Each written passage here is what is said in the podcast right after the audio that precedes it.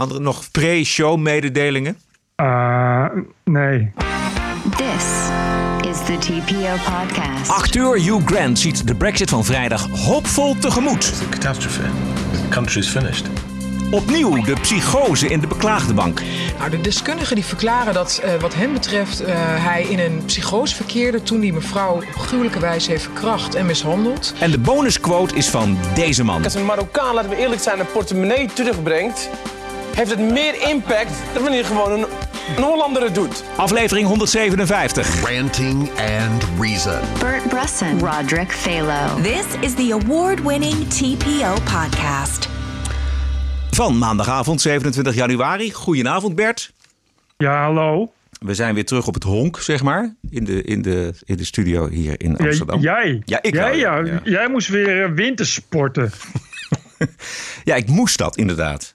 Vandaag is... ja, ik had vandaag een gesprek met uh, een paar collega's bij RTL. En die, vinden dat, die hebben dat precies datzelfde gevoel wat jij niet hebt. Namelijk met een snowboard vrij bewegen op de bergen, in de sneeuw. Ah. Ja. Ik beweeg mij vrij in de zon. Ja, dat is Ook waar. op de bergen en in de warmte. Dat ben ik veel leuker. Weet jij uh, wat uh, Auschwitz is? Ik, Ja. ik, krijg, ik heb het idee dat daar iets mee is, maar ik kan niet helemaal mijn vinger opleggen. Ik krijg zo, ja, op de een of andere manier gaat het heel veel over Auschwitz. Ja. Vind je dat te veel? Weet je, nou, nauwelijks. Het is helemaal niet dat de media daar breed en uitgebreid stil bij staan. Het, is, is 75 jaar geleden dat het Auschwitz werd bevrijd. Dat is wel iets om bij stil te staan, of niet? Oh, weer iets om bij stil te staan. Weet je wat mooi zou zijn? Een extra Auschwitz-monument in Amsterdam. Ja, dat gaat er komen. Dat vind zou ik, mooi vind zijn. Ik een goed, Heel- vind ik een heel goed idee.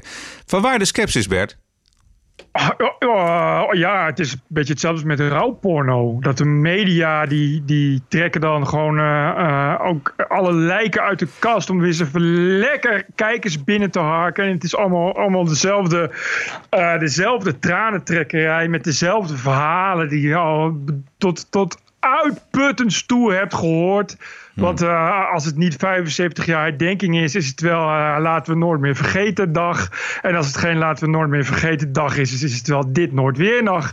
En anders is het wel Anne Frank dag, wat er ook wel een koppeling heeft met Auschwitz. Terwijl, Ja. ik, denk, terwijl ik altijd denk, en dat las ik, dat Duitsers zijn er wel een beetje klaar mee. Dat kon ik dan ook wel weer een beetje begrijpen. Ik dacht, als ik Duitser ben, dan zou ik ook wel eens denken van nou, ik heb het nu wel een keer gehoord. Ja. Ik heb toevallig eh, gisteren gekeken naar die uitzending van de NOS. En ik eh, vond het eh, heel mooi. Was, ik was, was gewoon, er waren goede gesprekken. Het, ik hoorde nieuwe dingen. Er waren ook nieuwe eh, eh, zaken boven water gehaald. Ik heb een hele mooie documentaire gezien over hoe Auschwitz en Birkenau geconserveerd worden. Want door eh, weer en wind dreigt dat allemaal te verdwijnen. Ik vind goed dat dat blijft bestaan, dat het behouden blijft. Ik vond het ook fascinerend om te zien hoe geologen daar bezig zijn om de boel minutieus bij elkaar te houden. Ik ben daar geweest in Auschwitz. Ik had er geen woorden voor. Onwaarschijnlijk indrukwekkend. En ik vind het helemaal niet erg dat daar één keer per jaar bij stil wordt gestaan. Niet alleen bij Auschwitz, maar ook alles wat er in de Tweede Wereldoorlog gebeurd is. Want dat is eigenlijk eh, qua van onze geschiedenis, niet alleen Nederland, maar Europa, is dat het grootste wat wij in eh, de nabije geschiedenis hebben meegemaakt. En zeker als je kijkt naar de opkomst van het antisemitisme in Europa en in Nederland, vind ik dat heel goed zelfs dat wij daar aandacht aan besteden. Echt, krijg je niet een enorm, eh, een enorm eh, er is iemand dood, Nee. daar komt Jeroen Krabbe gevoel Nee, bij? nee, ik heb Jeroen Ik wel Krabbe echt- niet gezien. echt- Nee. Nee, Het is van zo'n enorm omvang geweest. Als ik zie bijvoorbeeld hoe er eh, op Nederlandse scholen... hoe leraren moeite hebben om te doseren over de holocaust... omdat heel veel leerlingen met een andere kom af... eh, hele andere ideeën hebben over de joden... en met allerlei verhalen aankomen van de holocaust... dat het niet gebeurd zou zijn. Nou, dan denk ik van, er is nog een hoop bij te spijkeren. En ik denk dat deze de herdenking ook voor eh, leraren een eh, steun in de rug is om door te gaan met dat onderwijs over deze gruweldaden. maar, ja, maar daar, daar hoeft toch, niet, daar hoeft toch niet, niet de hele media mee volgeplakt te worden met Auschwitz. Waarom niet? Meerdere malen per jaar. Nou ja, maar je kan wel, je kan, ja, waarom niet? Omdat dat dus eh, overbodig en saai is. En Ja, dat vind eh, jij, maar dan hoef je dan ja. kijk je gewoon niet. Het is, heel- het, ik Nee, vind het helemaal niet overbodig en saai. Maar ik vind, het- ik vind het, eh, ik vind het eh, ja, ik weet niet, ik krijg altijd een heel erg, erg makkelijk, laten we het daar nog eens een keer over hebben, gevoel voor over. En eh, je hoeft het ook niet te vergeten. Maar ja, dat vind ik in Amsterdam ook. Dat is, dat is al helemaal volgebouwd met Auschwitz. En dan komt er nog een monument. Weet je, hoeveel monumenten en hoe vaak moet je überhaupt nog aan Auschwitz denken? En denken ze dan soms dat het dan niet meer gaat gebeuren als je maar lang genoeg nog naar kijkt of zo? Ik bedoel, ja, het is zo groot dat niemand dat volgens mij gaat vergeten. En er is ook niemand die het vergeet. En de, de leerlingen die het niet willen leren, die komen uit een cultuur waarin ze dat niet vergeten, maar waarin ze liever doen dat dat niet zo is. Of dat ze het ermee eens zijn. Maar ik bedoel, ja, ik, ik begrijp gewoon niet waarom dat altijd zo, zo enorm zwaar moet drukken. Alsof het een, een open wond is, die ook open moet blijven. Alsof je dan niet, ja. Nou ja, ik denk is- omdat er nog steeds. Omdat er. Ja. Ja, dat gaat natuurlijk heel veel dingen. Ja, dat wat Ja, er gisteren precies, gebeurd is, die- dan hoeven wij ook geen podcast te maken. Want de, de dingen die wij bespreken waren gisteren en eergisteren misschien wel gebeurd. Maar die, die hoef je dus, die, maar die denken we ook niet zo ui- eh, uitvoerig en uit te treurig. Het lijkt me, ik heb soms wel het idee dat er alleen maar Auschwitz een holocaust is. Al- Een beetje alsof er niks anders meer is. Dat, dat gevoel Hoeft toch ik- niet onze niet. hele identiteit te, te eiken, zeker 75 jaar later, op de holocaust en Nou, op denk- Auschwitz? nou, niet, niet, je hoeft niet de identiteit te, te eiken, maar ik, ik, er zijn A, nog steeds mensen die eh, de- deze kampen overleefd hebben. Eh, er is een tweede en een derde generatie die de gevolgen daarvan ondervinden. En als je kijkt dus hoe snel er op de middelbare scholen dit onderwerp moeilijk te bespreken is. Ja, dan vind ik het heel goed dat er wordt herdacht. Dat vind ik uitstekend. Bovendien is het zo dat Nederland en zeker ook Amsterdam eh, heel lang moeite hebben gehad met te erkennen hoe eh, de Amsterdamse bevolking ehm, naast alle heldendaden ook heeft gecalibreerd. En de overheid, er is gewoon eh, heel erg hard meegewerkt met de bezetter om zoveel mogelijk Joodse Amsterdammers naar de gaskamer te krijgen. En als je dan hoort dat Rutte voor wat het waard is, en dat is voor iedereen anders, denk ik, maar Rutte dan eh, toch zijn excuus aanbiedt voor de houding van de Nederlandse overheid in die oorlogsjaren naar de Joodse bevolking van Nederland. Ja, dat daar zo lang over gedaan moet worden om daar, om daar excuses voor aan te bieden, dan denk ik dat wij nog eh, helemaal niet klaar zijn met die Holocaust. Ja, maar dat, van die excuses snap ik sowieso niet. Maar dat vind ik echt hetzelfde als excuses aanbieden voor de slavernij. Je, weet, echt, Nou ja, Rutte, Rutte zijn excuses aanbieden voor iets wat hij zelf niet heeft gedaan. Nou ja, hij, hij niet, niet voor- namens zichzelf, maar natuurlijk namens de Nederlandse overheid. En als, Ja, ik, als ja. je kijkt, eh, gisteren op televisie, wat, wat dat toch. Kijk, mij doet het ook misschien niet zoveel. Zeker niet, want ik, heb het, eh, ik voel me niet aangesproken. Maar er zijn dus heel veel Joodse mensen, overlevenden van, de, van, de, van Auschwitz, die, die dat dus wel belangrijk vinden. Het gaat om het gebaar van de Nederlandse overheid. Dat vind ik een goed gebaar. En dat vind ik goed dat dat gebeurt. Nou ja, als er mensen blij mee zijn, dan is dat, dan is dat natuurlijk prima. Blij, blij bedoel, zijn niet te juichen. Maar het zijn, het, kijk, het is iets. Ja, hoe kan je dat nou uitleggen? Ja, eh, het is. Nee, eh, ik begrijp je wel. oké. Maar ik, ik, ik bedoel, eh, als, als die mensen dat, dat belangrijk vinden, dan is het natuurlijk heel goed. Maar ik, mij zegt dat niet zoveel. Dus ik, ik begrijp dat allemaal niet. Die excuses denk van ja, wat, wat, wat heb je er nou aan? Wat is voor symbolisch geleuter? Maar kun je ook niet begrijpen dat die mensen dat wel belangrijk kunnen vinden? Nee, ja, een beetje met moeite. Want ik, ik begrijp gewoon niet eh, wat, wat, weet je, wat, dat, het zegt toch niks wat de overheid van nu zegt over wat de overheid van toen was. Ik heb een paar reacties gezien op televisie van overlevenden. En die vonden dat toch een mooi gebaar. Ja, Ja. oké. Ja. Ja, nee, ja, dat is dus heel leuk. Of Ja, leuk. Nee, niet leuk is het niet, heel maar, misschien, fijn dan. Ja, misschien Maar- is het voor ons lastiger om daar eh, iets bij te voelen. Dat kan, dat kan ik me eh, alles bij voorstellen. Ja, nou ja. Nou, ik, ik, ik, goed, ik sta er daar een beetje anders in. Ja. En ik vind, ik bedoel, het is niet, ik bedoel, ik ben geen holocaustontkenner of zo. En ik begrijp, eh, begrijp het nut, maar ik, ik, ik denk wel, ik, ik heb... Maar wat is je bezwaar dan? Wat, wat is, Nou, wat is, mijn, mijn bezwaar is, is dat altijd alles aan hem wordt opgehangen. En, en, maar dat vind ik bijvoorbeeld ook met 4 mei. Eh, de oorlog en de holocaust is een beetje... De, de hele identiteit is dat. En eh, ja, dat, natuurlijk is het, is het erg. we hebben toch ook nog de VOC-mentaliteit. ja, nee, ja, goed, er zijn er weer anderen die dat erop ophangen. Maar ja, ik, ik denk, ik heb wel eens het idee dat, dat, dat het een trauma is, wat vooral een trauma moet blijven. Eh, en ik denk ook dat je trauma's, trauma's moet helen. Ik denk dat zeker een, Ja. het is zeker een trauma. Het is zeker een trauma. Maar heel je een trauma door het dan maar niet meer over te hebben? Eh, nou, je, je kan daar een, een trauma heel je door het over te hebben, maar dat tegelijk te zeggen van we moeten weer verder. Weet je kan er wel heel lang bij stil blijven staan, maar dan gaat het trauma niet van weg. Uh, en ik vind de manier, manier waarop, uh, in elk geval sowieso de manier waarop de media ermee omgaat, die ik gewoon van verdenk daar, daar makkelijk succesnummers uit te halen. Nou, als je weet, ja. ah, ah, ik vind echt, weet je, als je, je weet dat als je een 90-jarige holocaust-overledende interviewt, dat je dan alle kliks trekt. En, en zo zie ik dat een beetje gebeuren. Ja. En alle media tegelijkertijd. En denk van, nou, veel creativiteit is er niet. En, en ik, volgens mij is het juist heel cynisch zoals de media dat doen. Die media die zijn blij dat ze daar kijkers mee kunnen vergaren. Maar volgens mij zegt het ze niks. Maar het is elk jaar weer hetzelfde. Laten we Anne Frank van stal halen. En die oude verzetsmevrouw. We het over Harnie Schaft hebben. En als het over Auschwitz gaat. Weet je, dan weet je, je weet zo'n beetje al wie, wie er komt. En wat verhalen zijn. Ja, ik, ik vind het allemaal een beetje eenzijdig. En een beetje gemakzuchtig. Ik kan me daar wel iets bij voorstellen. Voorgaande jaren er zullen zeker ook jaren bij zijn geweest dat ik dat gedacht heb van nou, het is een beetje een, eh, een verplicht nummer, hè, zou je bijna kunnen zeggen, Ja, eh, in de journalistiek. Ik kijk niet zoveel televisie, maar gisteren heb ik dat echt gekeken de- bij de NOS. En ik heb, ik heb echt gefascineerd zitten luisteren en kijken. En ik weet er best al heel veel van. Ik ben best wel geïnformeerd, maar ik vond het weer aangrijpend. Ik vond het, en het zijn, dat is geen vals sentiment bij mij. Dat, we- dat, eh, dat weet ik 100% zeker. Nou ja, die documentaire op conserveren is dan wel weer interessant. Maar dat is natuurlijk weer iets, iets, weer, eh, iets heel iets anders. Nee, li- lijkt mij.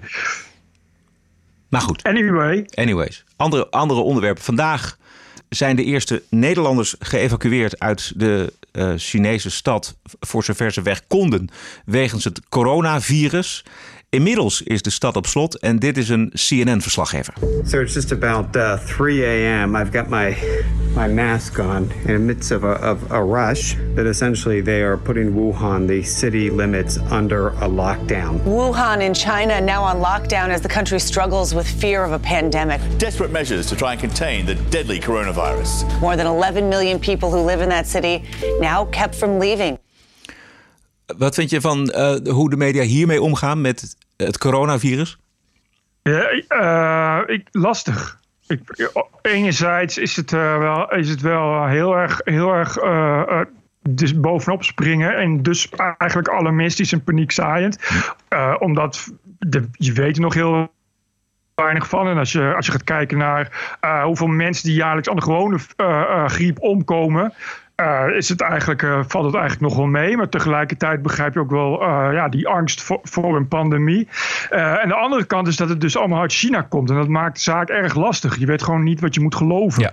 Ja. En, en je weet dus gewoon heel weinig. Want het is dus gewoon een oppressive state die alle informatie die naar buiten komt, kan net zo goed gelogen zijn of, Ja. of beperkt. Ja. En dat soort dingen. En dat maakt het wel, geeft het wel een hele rare extra dimensie, laat ik het zo zeggen. Ja, en ze doen ook raar met journalisten. Eh Precies. Sjoerd en Daas van NOS.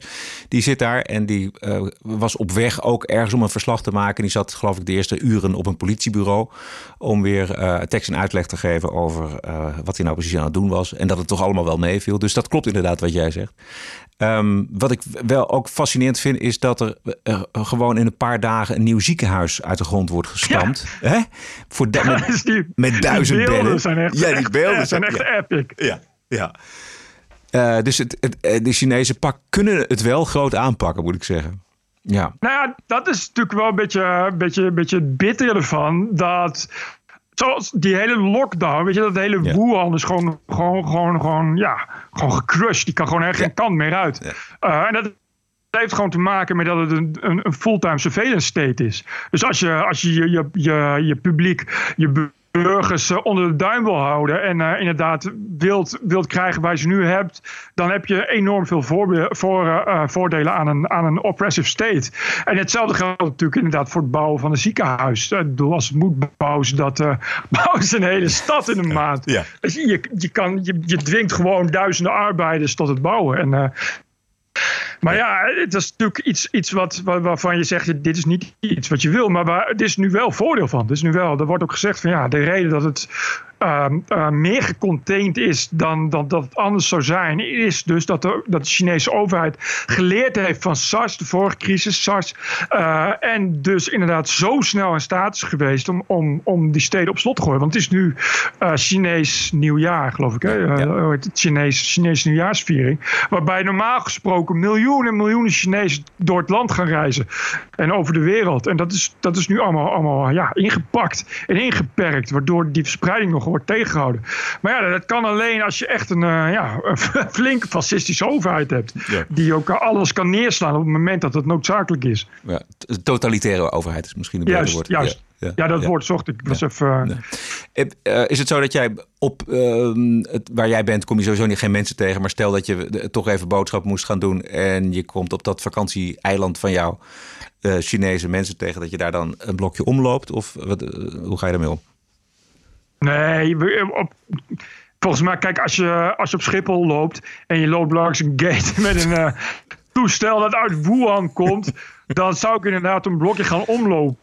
Maar de kans dat, je, dat die Chinezen, die, er zitten hier een hoop Chinezen en in Nederland hebben die restaurants. En hier hebben ze allemaal van die enorme bazaars met goedkope troep. Een soort Alibaba offline, zeg maar. Ja. Eh, ik bedoel, dat zijn gewoon Chinezen, zijn gewoon Chinezen. Er zijn er meer dan een miljard van. Dus de kans dat die, dat die besmet zijn lijkt me niet zo heel groot. Is wel, ik denk dat je, ja, hier is natuurlijk wel een hotspot van vakantiegangers, veel toeristen. Dus eh, het- zou niet eens raar zijn als, als het virus ook hier uitbreekt. Maar ik, ik kom daar niet, eh, ik kom niet echt zeg maar onder de toeristenmensen, laat ik het zo zeggen. Maar ja, je kan er, ik- en dat is een beetje het punt van hoe. hoe eh, moet je hierop reageren? Want het, die- als je in paniek raakt, ga je dus inderdaad zeggen: ik ga elke Chinees mijden.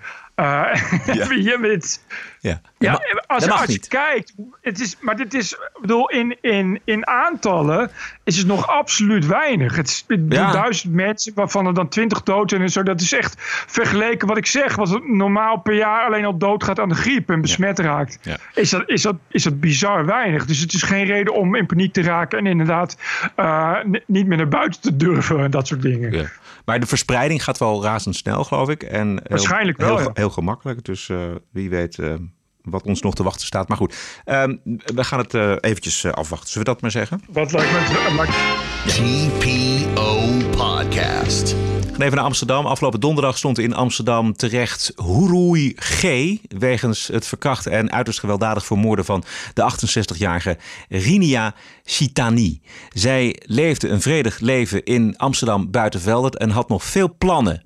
Tot zij Huroui G tegenkwam. Hij is een 21-jarige statushouder uit Eritrea. Of zoals de Amsterdamse burgemeester zou zeggen, een Amsterdammer. Het Openbaar Ministerie eiste donderdag zeven jaar met TBS. Eh, dit is een buitengewoon ernstige zaak. Zometeen de persofficier. Eerst de familie van het slachtoffer. De gruwelijke wijze waarop dit is gebeurd staat voor altijd op ons netvlies gebrand. Dit was erg confronterend omdat wij Rinja 51 dagen lang hebben zien vechten in het ziekenhuis en in de hospice ten gevolge van haar vreselijke verwondingen. Zij was, ze was onherkenbaar. Haar vriendelijke, mooie en gave gezicht was helemaal ingedeukt. Voor ons was het duidelijk dat zij in haar coma nog leed en psychisch trauma had. De schok werd nog groter toen wij vernamen dat er nog een zedendelict had plaatsgevonden. Dit is voor ieder verschrikkelijk, maar wij vinden het van belang dat u weet dat Rinja bewust celibatair leefde. Het heeft behoorlijk impact eh, binnen ons gezin. En ik had dit niet verwacht. Ja, dit is eh, ehm, een reportage van AT5. Bert, dan heb je 68 jaar van je leven erop zitten. Je leeft een, je hele leven celibatair en, en vredig. Je bent met pensioen. Je wil daarvan gaan genieten. Hebt nog mooie plannen. Nee, deze klootzak uit Eritrea heeft dan andere plannen. Deze jongen is al eerder gewelddadig geweest. Betrokken geweest bij vechtpartijen en diefstal. Eh, dit is de persofficier. De officier van Justitie heeft vandaag 7 jaar gevangenisstraf en TBS met dwangverpleging geëist tegen een 21-jarige verdachte. Die wij verwijten dat hij een 68-jarige vrouw heeft verkracht en heeft vermoord. Uh, we zijn voor beweesverklaring van doodslag gegaan, omdat we niet vinden dat uh, voorbedachte raden uh, bewezen kon worden. Ze zegt hier, hij is, heeft haar verkracht en vermoord, maar we spreken niet van moord. Geen voorbedachte raden, we noemen het toch moord. hè? Dat hij een 68-jarige vrouw heeft verkracht en heeft vermoord. Eh, we zijn voor bewezen verklaring van doodslag gegaan, omdat we niet vinden dat eh, voorbedachte raden eh, bewezen kon worden. En de TBS met dwangverpleging die zitten erin dat deze meneer wat ons betreft langdurig behandeld moet worden. Ja, wat is duidelijk geworden wat er nou scheelt met deze meneer? Of althans, wat zijn diagnose is? Nou, de deskundigen die verklaren dat eh, wat hen betreft eh, hij in een psychose verkeerde toen die mevrouw op gruwelijke wijze heeft verkracht en mishandeld. Ehm, maar het is niet helemaal duidelijk waar die psychose vandaan komt. Dat kan enerzijds komen door middelengebruik. Hij dronk stevig, had die dag ook bijna drie liter bier gedronken. Het kan ook te maken hebben met, met een mogelijk ontwikkelende stoornis in de vorm van schizofrenie. Het een kan ook naast het ander bestaan. En de deskundigen zeggen daarvan dat daar meer onderzoek naar moet worden gedaan. En dat kan eigenlijk alleen maar binnen een langdurig traject. Ja, dus dat is eigenlijk nog niet duidelijk, maar dat heeft natuurlijk wel weer invloed op ja, in hoeverre hij toerekeningsvatbaar vatbaar uh, is. Daar nog wat discussie over? Nou, de deskundigen hebben aangegeven dat uh, zij kunnen uitgaan van verminderd toerekeningsvatbaar tot geheel ontoerekeningsvatbaar. Van dat laatste lijkt overigens geen sprake te zijn. Uh, maar ze denken wel dat hij sterk verminderd toerekeningsvatbaar is. Dus eigenlijk ook geen inzicht heeft in zijn eigen ziektebeeld. en daarvoor moet hij behandeld worden. Ja, maar de advocaat van de verdachte pleit wel voor volledige ontoerekeningsvatbaarheid? Ja, de, verdachte, of de advocaat van de verdachte gaat uit van volledig ontoerekeningsvatbaar. Nou, wat ons betreft zijn er deskundigen toch wel vrijstellig dat dat niet helemaal aan de orde is. Maar dat hij wel sterk verminderd toerekeningsvatbaar is. En daarom is die TBS met dwangverpleging geëist. We hebben vaker dit soort gevallen behandeld in deze podcast. Maar het blijft iedere keer toch weer buitengewoon onbevredigend. Ja, het is verschrikkelijk. Ja, je drukt het mild uit. Het is echt verschrikkelijk. Ik, ik, als ik het hoor, je eigenlijk uit je stoel springen en ergens je woede op kwijt. Het liefste op, op, op zo'n klootzak. En je hoort het en je denkt van, ach, weer de psychose. Ja. Dus je, oh, ik, ik heb echt het idee dat het, dat, het, dat het tegenwoordig een soort standaard is. Dat je maar een beetje kan doen wat je wil. Oh ja, psychose. Want de deskundige zegt ja, waarschijnlijk psychose.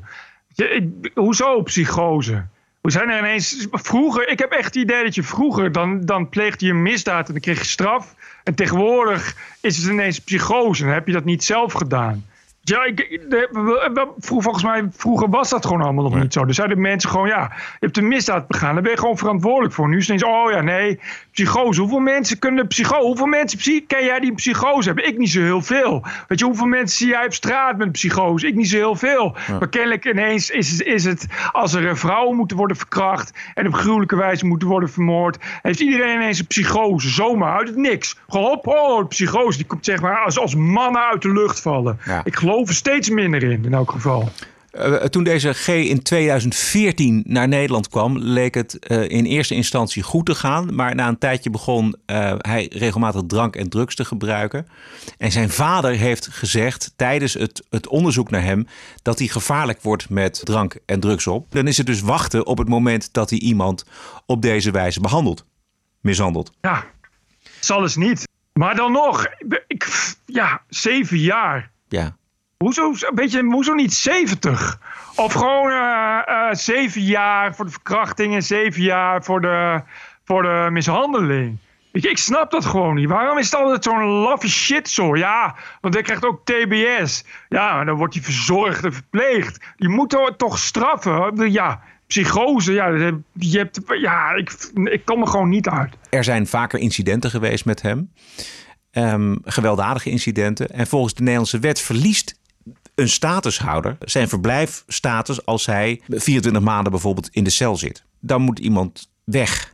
Feitelijk is het nu zo dat deze jongen dus nooit meer terecht mag komen in de Nederlandse samenleving. Want. Ja, feitelijk.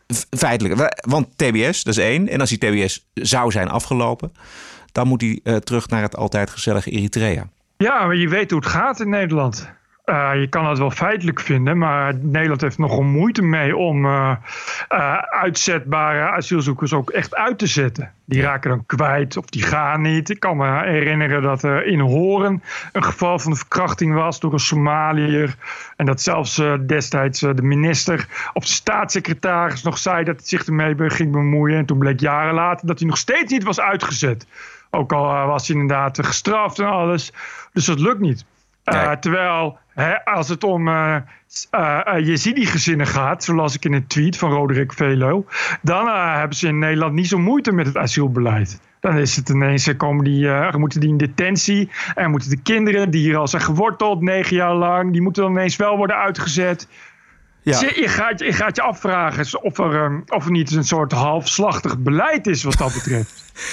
Ja, dat was een tweet die, die ging nogal um, veel van hand tot hand, zullen we zeggen, via de, op de Twitters. -hmm. Um, omdat inderdaad, ja, feitelijk is het zo dat oorlogsmisdadigers niet kunnen worden uitgezet zolang het in het land van de oorlogsmisdadiger oorlog is. Dus blijft hij maar in Nederland en criminele asielzoekers uh, uitzetten. Dat is al helemaal uit den boze. Ik kwam nog van een paar jaar geleden een stuk tegen van de IND, waarin zij zeggen dat uiteindelijk de procedure duurder is criminele asielzoekers uit te zetten. Dat is duurder en omslachtiger dan ze maar gewoon in de illegaliteit te laten verdwijnen. Ja, tel uit je winst. Ja. En, en, uh, en, daar, dan, en, dan, en dan tegelijkertijd precies zien we dus dat Yazidis uh, de, de meest uh, vervolgde groep uit Syrië hier onderdak vindt en um, om een of andere reden toch gewoon weer terug moet. Ja, maar dan lukt het dus wel. Ja, dan lukt het dus wel, ja. Die kunnen dan wel worden uitgezet. En kindertjes en zo. En dan moeten eerst BN'ers aan te pas komen. Voordat, er, voordat het dan een keer niet gebeurt. Maar dat, is allemaal, dat noemen we dan heel schrijnend. En dat is ook heel schrijnend. Maar dat werkt dan allemaal uitstekend. Ja. En dan tegelijkertijd lopen er uh, een paar duizenden, duizenden in de illegaliteit. Die zomaar ineens voetsie zijn. En verdwenen. En lopen er verkrachters en moordenaars los rond. En oorlogsmisdadigers. En kansloos tuig.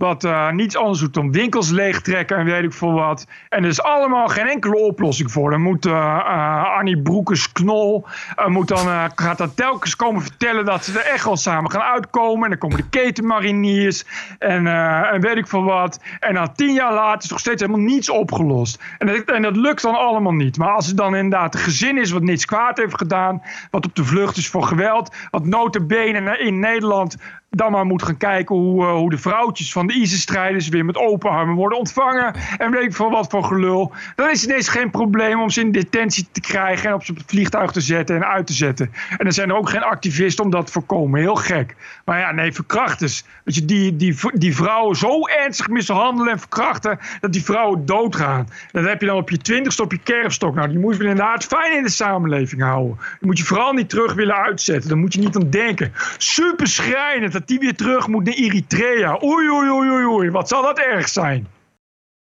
De uitspraak van de rechter in de zaak tegen de Eritreër Hurui G is over anderhalve week. GPO Podcast.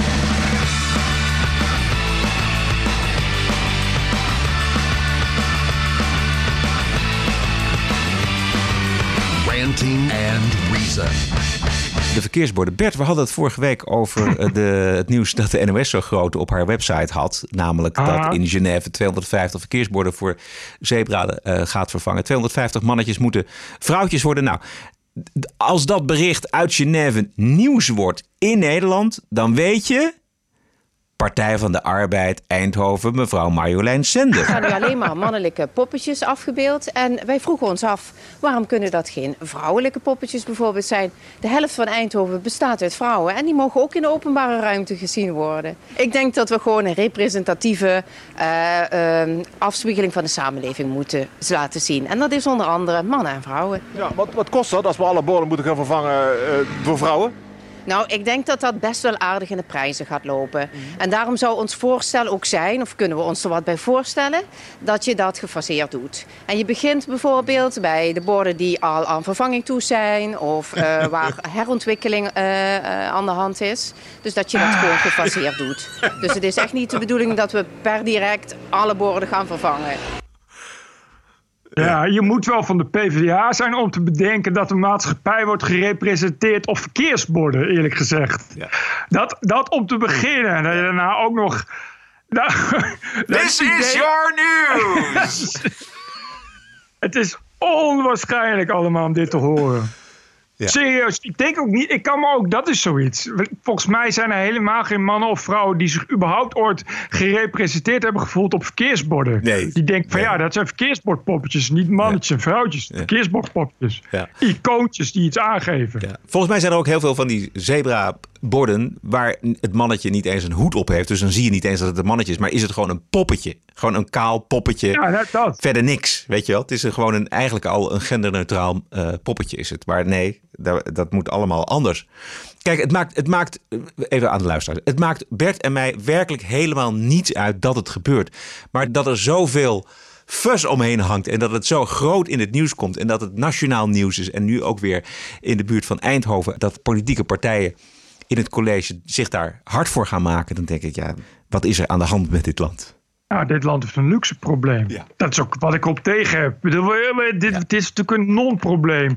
En ik, ik weet zeker dat ook in Eindhoven de problemen nog lang niet zijn opgelost eh, in de binnenstad. En ik denk dat je wel eh, een paar honderdduizend, ik weet niet hoeveel wonen in Eindhoven eigenlijk, toch wel een paar honderdduizend mag ik hopen. Eh, een paar honderdduizend mensen kunt vinden die eh, veel ernstigere grieven hebben waarvan ze zouden willen dat de gemeenteraad die eens aanpakt of het stadsbestuur. En dat is het probleem wat ik ermee heb. Dat, het, dat, het, dat het gezochte problemen zijn die helemaal nergens over gaan. Eh, Bert, vrijdag is het eindelijk zover, want dan vertrekken de Britten uit de Europese Unie. En volgens acteur en allesweter Hugh Grant is dat ook gelijk het einde van het Verenigd Koninkrijk. It's a catastrophe. The country is finished. It's a catastrophe. The country is finished. Ah, dit is een grote denker. Ja, is een groot denker. Dus dit, dit, zijn, eh, dit zijn geen kleine meningen. Je hebt het hier toch over eh, een filosoof, een intellectueel van formaat. Wereldvermaarde filosoof en intellectueel, mag ik wel zeggen. Bekend van eh, het grote standaardwerk For Weddings and a Funeral.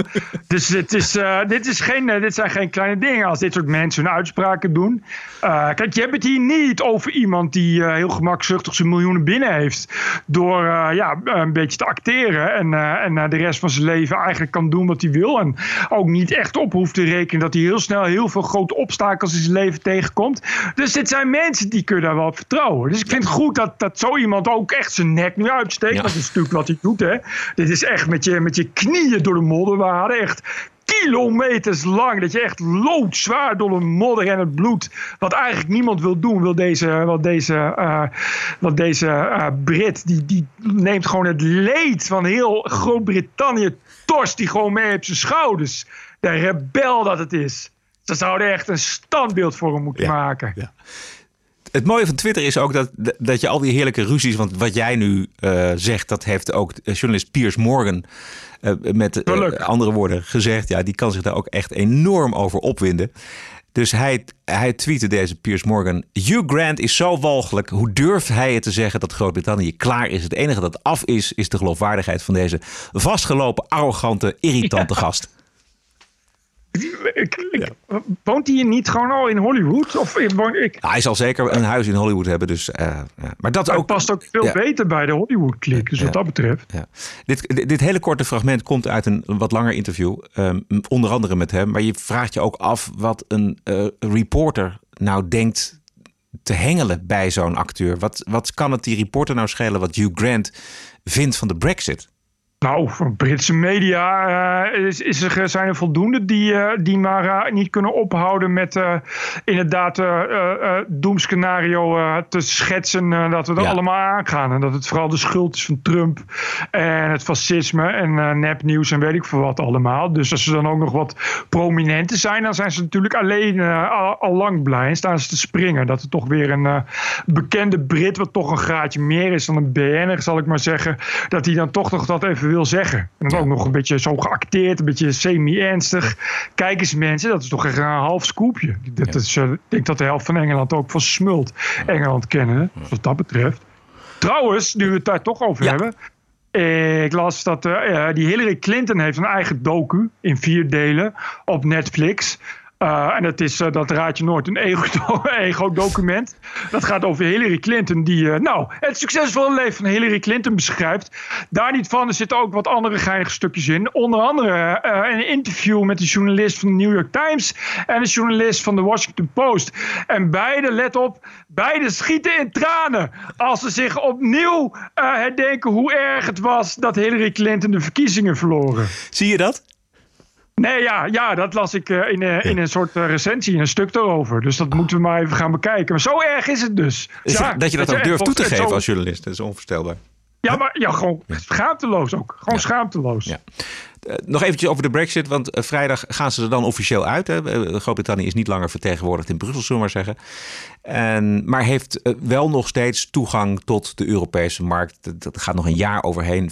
In februari wordt er, beginnen de onderhandelingen over een vrijhandelsverdrag. En nou, kan alles nog op zijn pootjes terechtkomen. Maar de Britten zijn dan wel uit de Europese Unie. Eindelijk. Jammer voor, ja, fijn voor hun misschien, maar, maar toch ook jammer voor Nederland. Want we hebben altijd een hoop gehad aan de Britten. Gewoon als tegenwicht tegen Duitsland Ja. en Frankrijk.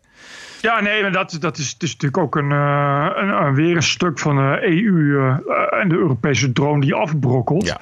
Uh, en ook inderdaad, ik neem maar, qua handel zullen toch wel veel mensen daar uh, hinder van ondervinden. Ja. Het is vast minder erg dan voorspeld, maar je gaat natuurlijk altijd ongemak en hinder van ondervinden. Maar ja, tegelijkertijd, weet je, het volk heeft gesproken. Ja, nee, uh, zeker. Het is de democratie in uh, optima forma, toch? Ja. Maar eigenlijk, eigenlijk was de, de verkiezing van. Uh, of de, de, de, de grandioze overwinning van, van de Tories toch een soort tweede referendum, exact. denk ik dan. Ja, zeker. Yes, die hebben toch heel lang hebben ze allemaal geroepen dat er een tweede referendum moest komen. nou, dat, terecht is dat geweigerd. Want dat, zo kun je wel bezig blijven. Je hebt een referendum of je hebt geen referendum. Maar het is nu echt wel duidelijk dat het zo is zoals het volk wil, meerderheid. Nu weten we het wel, dat de Britten dat willen. Exact. En, daar, en dat, is, dat is voor mij altijd, in, in elk debat, is dat eigenlijk de bottom line. Je kunt zeggen, ja, het is verstandig of niet, maar dat is de democratie. Exact. De, de meerderheid kan voor onverstandige dingen kiezen. Maar dat is dan zo. Ja, dat is dus precies wat er bij democratie gebeurt. Ja, uh, ja en, en uh, erger is het als je niet meer de mogelijkheid hebt om onverstandige dingen te kiezen. Ja. Want dan heb je uh, iemand aan de macht die onverstandige dingen kan gaan doen waar je niks meer tegen kunt doen. Ja. Dus ik vind, ik vind altijd, dat vind ik ook altijd raar. Dat, je hoort, dat was bij Trump zo en dat is nu bij Brexit zo. Dat je altijd maar weer moet horen dat dan het fascisme gewonnen heeft en zo. Ik denk altijd van ja, volgens mij een beetje het tegenovergestelde. Volgens mij is het juist echt een, een feest van de democratie. De democratie zegeviert. Ja. In, in, bij Brexit zeker, want het is natuurlijk wel heel lang nog over gesteggeld. Er is toch nog wel heel veel voor, voor, van alles geprobeerd. Uh, en, en over gedramd. En, en, en, en, en zwart proberen te maken. Van alles bijgehaald. En uh, weet ik veel wat. En het heeft gewoon allemaal stand gehouden. Keurig via, via democratische regels. Zo goed als. Ja. En over fascisme gesproken. Uh, Forum voor Democratie is vandaag de grootste partij geworden. Ik denk dat we een leukere uitzending tegemoet gaan nu. Als je dat wat downtuned. Heb je dat meegekregen van die SP'er die in... Ja. De, de SP'er van Midden-Drenthe, geloof ik? Of Midden-Groningen? Nee, Midden-Groningen. Midden-Groningen. Midden de, de SP'er. Hij was nog maar een paar weken fractievoorzitter. Maar die Ja. moest al meteen alweer weg. Omdat hij uh, Baudet een nazi had genoemd. Ja, binnen 24 uur dat uh, uh, RTV Noord het uh, kwam zaterdagavond mee het bericht.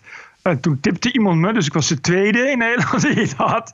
En daarna had uh, geen stijl het en uh, Telegraaf het de volgende ochtend. En binnen 24 uur was die alweer weg. Ja. ja.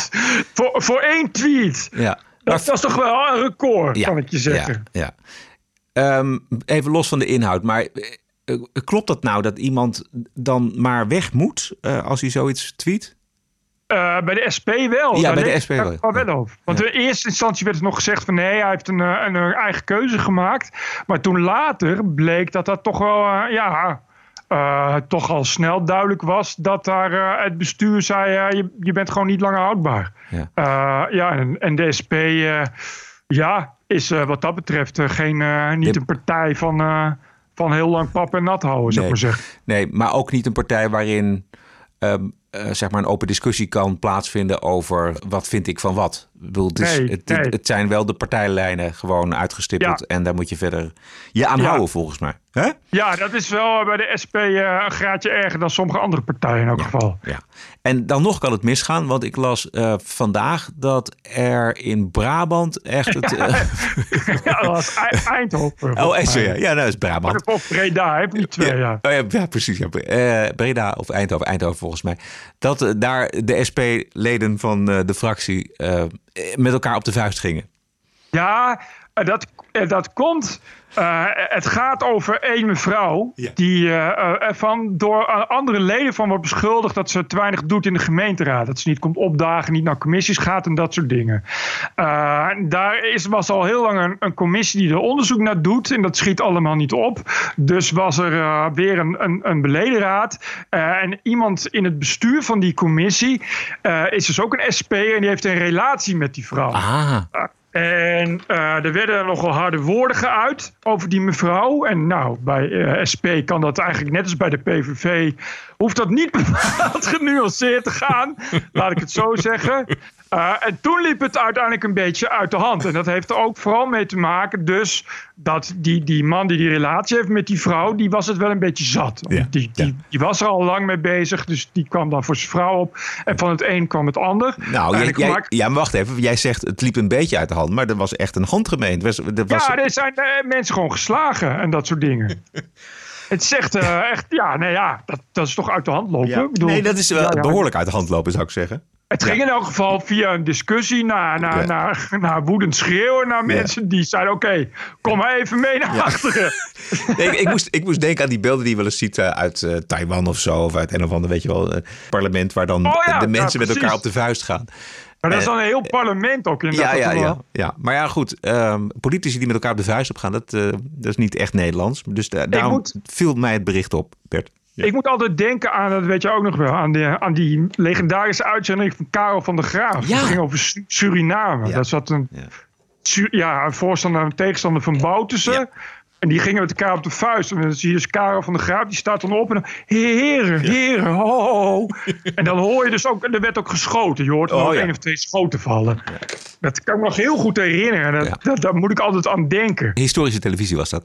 Ja, nee, Ja. precies. Omdat het in Nederland natuurlijk eigenlijk nooit gebeurt, wat je zegt.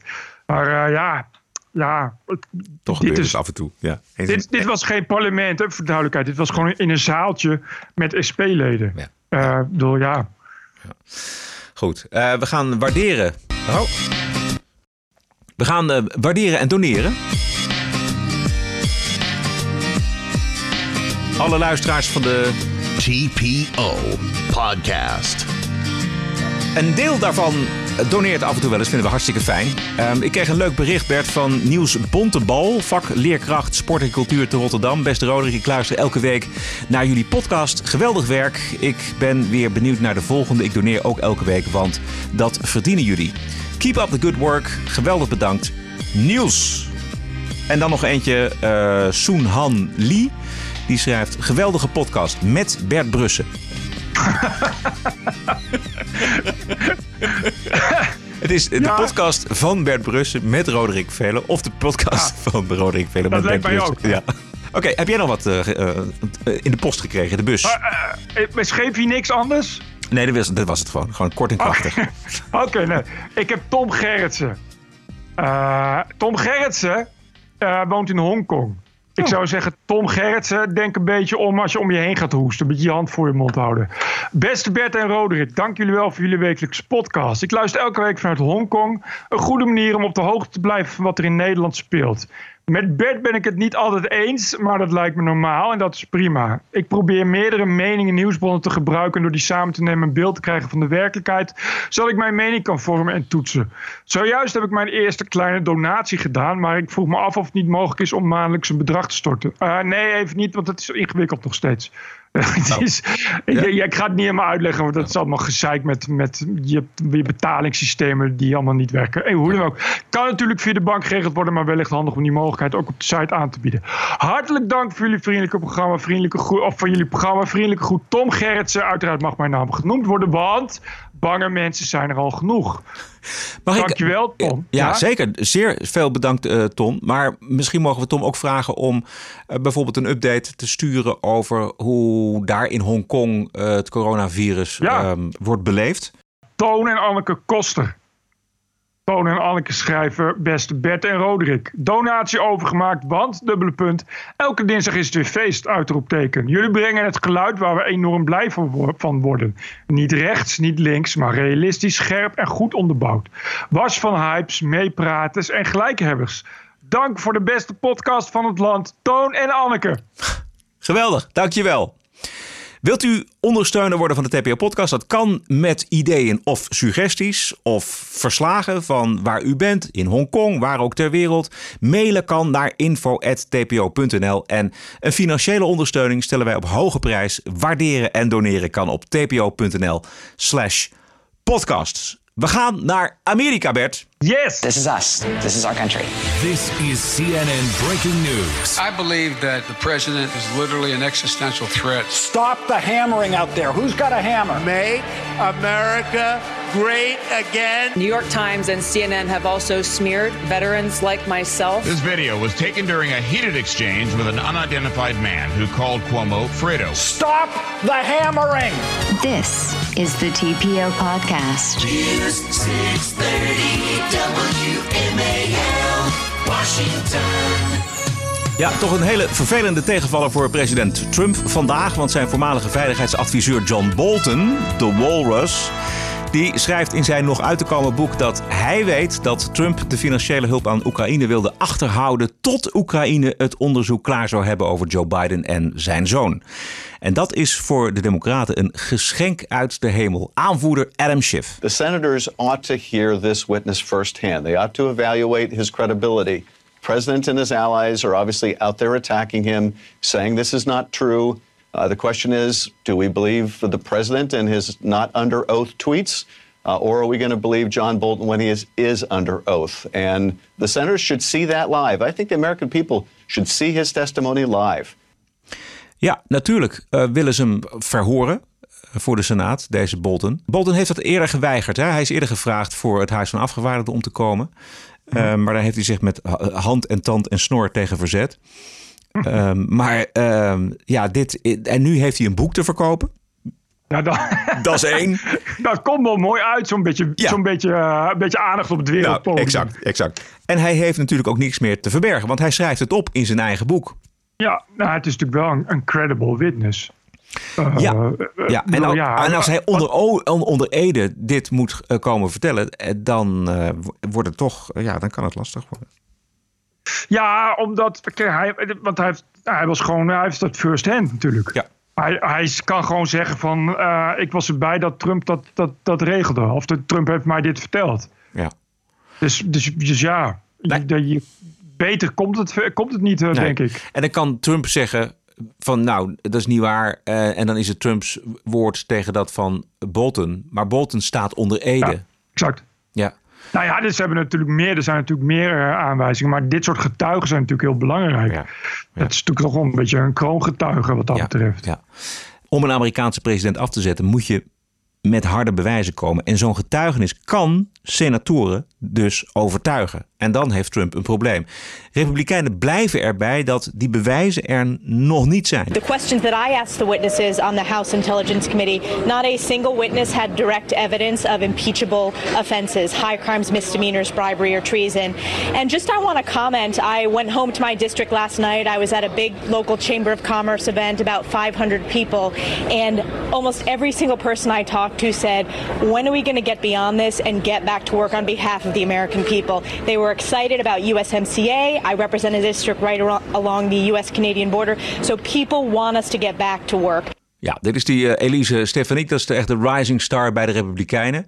Zij mm-hmm. zegt dus dat uh, ja, de Amerikanen uh, die zij spreekt er geen zin meer in hebben. Ja, dat zou ik ook zeggen als ik Trump moest verdedigen. Maar niet alleen zij zegt het.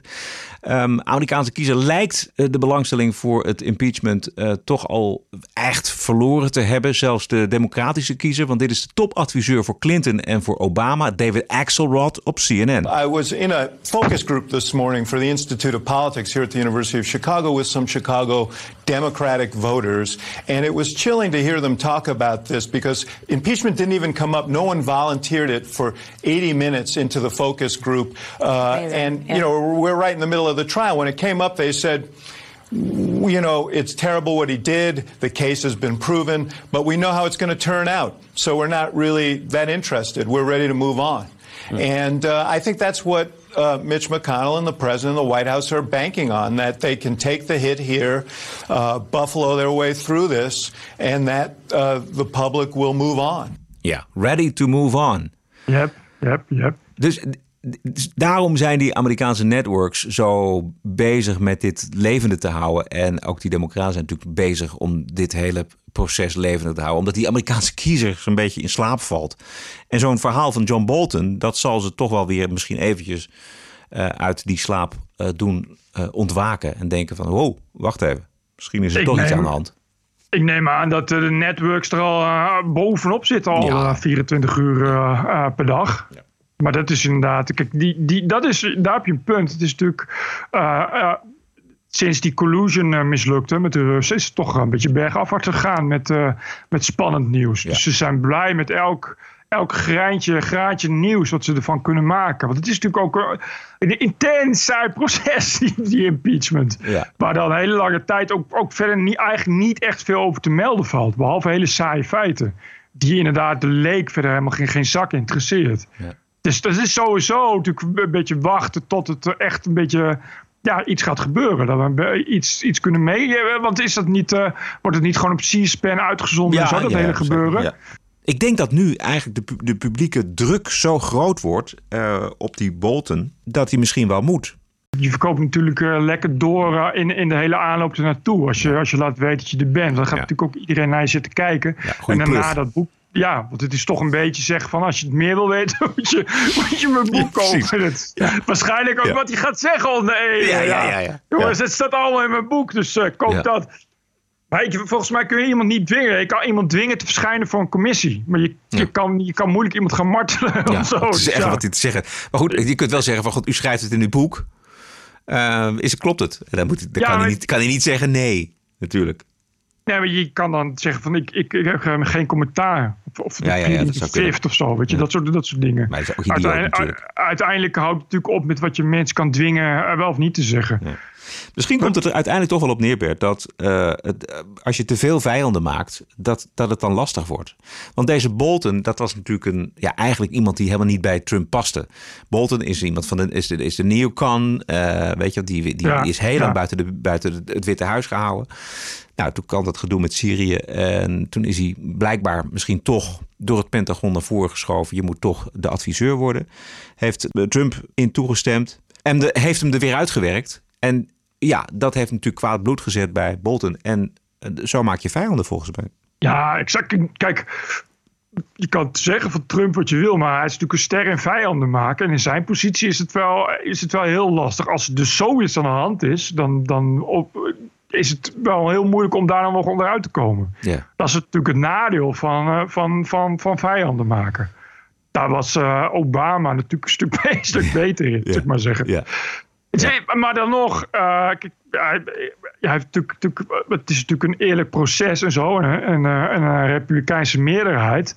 Maar als die Bolton te vriend had gehouden, was het ongetwijfeld allemaal te regelen geweest. Dat is natuurlijk gewoon hoe het werkt. Ja. Ja, dat is natuurlijk gewoon hoe het werkt op de heel. Als je, als je eh, de juiste vrienden hebt, dat ze jou op het, op het goede moment eh, wel kunnen matsen.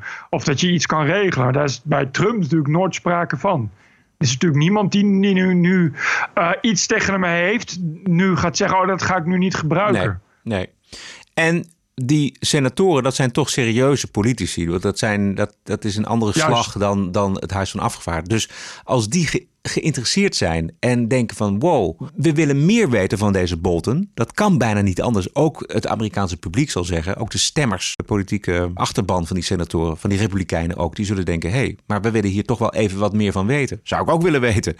Laat die Bolton maar komen. Laat hem maar eh, vragen beantwoorden. Trump zal er wel voor wakker liggen, vrees ik. Maar goed, eh, je, weet nooit eh, welke, welke kaarten hij nog eh, uit zijn mouw trekt. Stroef straks. Ja. Ja. Daar, waar, waar je dit soort dingen weer helemaal mee kunt wegvegen. Wegvagen. Het is natuurlijk wel een extreem smerig spel, zoals elke rechtszaak. Uh, dus dat zal uh, in dit geval ook wel uh, helemaal tot op de bodem worden uitgewerkt. Ja. Alles wat je kan doen om, om je tegenstander te, te besmeuren en te besmaden, zal, zal uiteindelijk gebruikt worden. Ja. Voor alle duidelijkheid, de Republikeinen hebben de meerderheid dus in de Senaat. Dus het is absoluut toch uh, geen gelopen race. En het is uh, lastig, lijkt mij, om uh, een te, wat is het, twee derde meerderheid te krijgen. Twee derde, twee derde. In de Senaat. Eerste vraag is, komt Bolden getuigen? Tweede vraag, houden de Republikeinen de rijen gesloten? En als het als hij de impeachment overleeft, dan gaat hij denk ik toch wel de verkiezingen winnen de tweede keer. Ja. Dat is wel echt, dat is wel echt het hele punt nu. Dat die, het is echt, echt alles of niets. Die, eh, als die impeachment mislukt, dan, dan hebben ze helemaal niets meer aan de democratische kant. Of ze moeten eh, een kandidaat tevoorschijn toveren, maar dat zie ik ook niet echt gebeuren. Ik heb nog een bonusquote. Bert, heb jij nog andere zaken die uh, genoemd moeten worden? Ja, je moet even. Uh, ik, ik, moest hem illegaal downloaden, maar hij is ook in de. Uh, op, sorry, legaal downloaden. hij is ook in de bioscoop te zien. Uh, Bombshell. Oh ja? Met uh, Nicole Kidman en ik ben even de naam kwijt. Hoe dan ook. Dat gaat over de val van Roger Ailes, de baas van Fox News. die beschuldigd werd in de aanloop naar de verkiezingen van Trump. die beschuldigd werd door zijn, twee van zijn presentatrices van ja. ja seksueel misbruik en seksuele macht. Het soort Weinstein de tweede. geweldig gespeeld, geweldig in beeld gebracht. Vooral ook hoe. Uh, nou ja, het is natuurlijk een film die waarschijnlijk door Democraat is gemaakt. Dus het is wel duidelijk van welke kant de maken staan. Fox komt er niet al te, niet al te zachtzinnig af. Nee. Maar zal ook wel weer een, een waarheid in zitten. Hoe, hoe, uh, omdat die, die Roger Ailes. Uh, hij heeft natuurlijk van, van Fox News iets geweldigs groots gemaakt. Ja. Wat er eerst niet was. En, en daar de grootste is geworden. En natuurlijk voor die Rupert Murdoch, Murdoch enorm veel winst heeft gemaakt. En die Ailes die die, die, die heeft ook toch heel goed begrepen dat je, ja, dat zegt hij dan ook in die film, laat ze hem dat zeggen, van ja, je moet uh, mensen, je moet uh, mensen houden van emotie en van angst en zo. Dat, als, je dat, als je dat hebt en dat kan op, opkloppen en dat kan vergroten, dan krijg je kijkers. Uh, en hij, ja, het is natuurlijk een conservatieve zender, dus hij wist precies wat hij deed. En, ja, ja, en dat is zo leuk, uh, leuk gebracht en zo leuk neergezet. En ook hoe die, die Megyn Kelly, ja. die destijds hè, door Trump, ja, toch uiteindelijk werd, werd, werd gesloopt op Twitter. ja, hoe zij daar van een overtuigd Fox-medewerker die toch graag wil dat Trump uh, wint. Ja, daar is zo van, van, van uit het lood is geslagen dat ze langzaamaan toch uh, anders begint te denken. En daar ja, die, die, die richting op gaat. Ja, en ja. dat het de beerput opentrekt. Ja. Laten, we, laten we even luisteren naar de trailer. Bombshell. You have to adopt the mentality of an Irish street cop. The world is a bad place. People are lazy morons. Minorities are criminals. Sex is sick but interesting. Ask yourself what would scare my grandmother or piss off my grandfather. And that's a Fox story. Oh, it makes so much. You may have heard there was a dust up involving yours truly and presidential contender Donald Trump. There was blood coming out of her eyes, blood coming out of her wherever. Oh my God. Did he just accuse me of anger menstruating? Wait, am I going to be the story? No. No. I'm going to be the story. No. Nobody stops watching because of a conflict. They stop watching when there isn't one. I want to convince you that I belong on air, Mr. Ailes. I think I'd be freaking phenomenal on your network. I could pluck you out and move you to the front of the line. But I need to know that you're loyal. I need you to find a way to prove it. I'm the bad guy. Een mediafilm dus. Ja, het is om, omdat, je, omdat wij als Nederlands natuurlijk... Uh, we zitten er nooit zo goed in. We hebben niet zo heel erg idee hoe, hoe, hoe dat werkt. Uh, ook hoe groot die media zijn. Hè? Wat, ja. Hoe spectaculair groot. Dat is onvoorstelbaar. Wat een, dat is een van de machtigste mannen ter wereld natuurlijk. Die Rupert Murdoch. En dat maakte die, die, die Eels ook, ook een van de machtigste mensen ter wereld. Die ook... Ja, dat, dus... Uh, uh, tentakels diep in de politiek en zo. Weet je? De reden dat Trump kan winnen is, is Fox. En de reden dat Fox groot kan worden is Trump. En wederzijds en dat soort dingen. Ja. En dat wordt allemaal heel mooi in beeld gebracht. Ja, uh, ja en ik, ik vond het ja. leuk om, om zo eens te zien. Ja. Uh, al is het wel natuurlijk eenzijdig. Dus nee, oké. Okay, maar goed, zo'n zo film zou je ook kunnen maken over CNN. CNN exact, exact. ja, maar dan misschien iets minder smeuig. Want het feit dat deze Roger Ailes moest opstappen wegens ongewenste intimiteiten... is natuurlijk wel een extraatje voor zo'n film. Mediafilm dus, Bombshell. TPO Podcast. De bonusquote is van Ali B. Gedaan afgelopen woensdag bij De Wereld Draait Door. Daar zat Felix Rottenberg te praten over zijn nieuwe documentaire. Daar kunnen we ook wel misschien een keertje wat uitgebreider over uh, hebben als die documentaire, uh, uh, als we die gezien hebben. Maar Ali B zat er ook. En Ali B die had het juist over de witte achterstand en de voordelen, zeg maar, het privilege om Marokkaan te zijn in Nederland. Ik merkte het ook, dat er bepaalde vooroordelen waren. Maar ik zei tegen mezelf, oh, Dus er is een grote groep mensen die mij waarschijnlijk gewoon onderschat. Hoe makkelijker is het voor mij om te overdeliveren? Die arme Hollanders, die moeten veel meer moeite doen om eh, punten te scoren dan ik. Als een Marokkaan, laten we eerlijk zijn, een portemonnee terugbrengt... heeft het meer impact dan wanneer gewoon een, een Hollander het doet. Dus ik zag het als een voorsprong. En op die manier heb ik ook mijn leven uiteindelijk uh, vertaald... en heeft het me ja, geen windeieren gelegd. Ja. Nou, wat dat betreft is hij wel erg Hollands ook, uh, ja, qua, precies, qua, qua, handel. Ja. Hij heeft wel een punt. Doet me denken aan, heb je het gelezen uh, in de Volkskrant over die, uh, die Somalische vluchteling die een tassenmerk begon? En dat bleek toch niet zo heel zuivere koffie. Oh ja? Maar goed, de, de, de, kern van het verhaal is dus dat, uh, dat uh, uh, meerdere. Hij werd heel veel geholpen door de gemeente Den Haag en dat soort dingen. Kon in een pand wonen, bla bla. En achteraf blijkt dat er wel ambtenaren waren die er meer van wisten. Maar ja, ja succesvolle knuffelvluchteling. Hè? Ah, dus, dus dan okay. kunnen we dat beter onder de pet houden. Ja, oh ja, precies. Ja. Als voorbeeld, zeg maar. Juist, ja. juist. Het was natuurlijk een, weer, weer zo'n mooi succesverhaal. Te mooi maar te zijn, bleek achteraf. dus, dus dat is natuurlijk wel zo als je inderdaad Marokkaan bent. En je kan jezelf op een goede manier voor het voet lichten of, of vluchteling. Dan uh, ja, heb je daar sneller profijt van dan een gemiddelde Hollander, denk ja, ik. Ja, precies. Ali B is het uh, gelukt. Even los van zijn, eigen, van zijn andere kwaliteiten die hij absoluut heeft. Maar dit vond ik wel heel grappig wat hij uh, hierover zei.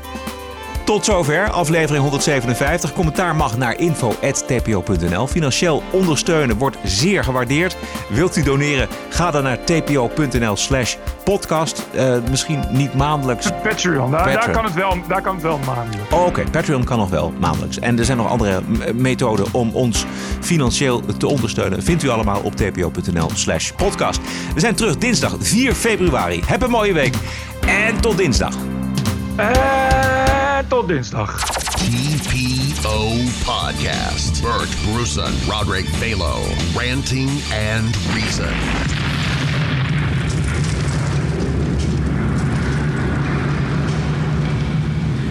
Die topambtenaren verdienen topveel geld en die hebben nooit een boterham minder gegeten om de misstanden die ze voor elkaar kregen. Dan wel in persoonlijke levens, dan wel over belastinggeld. En het punt is nou juist dat daar nooit gevolg op is.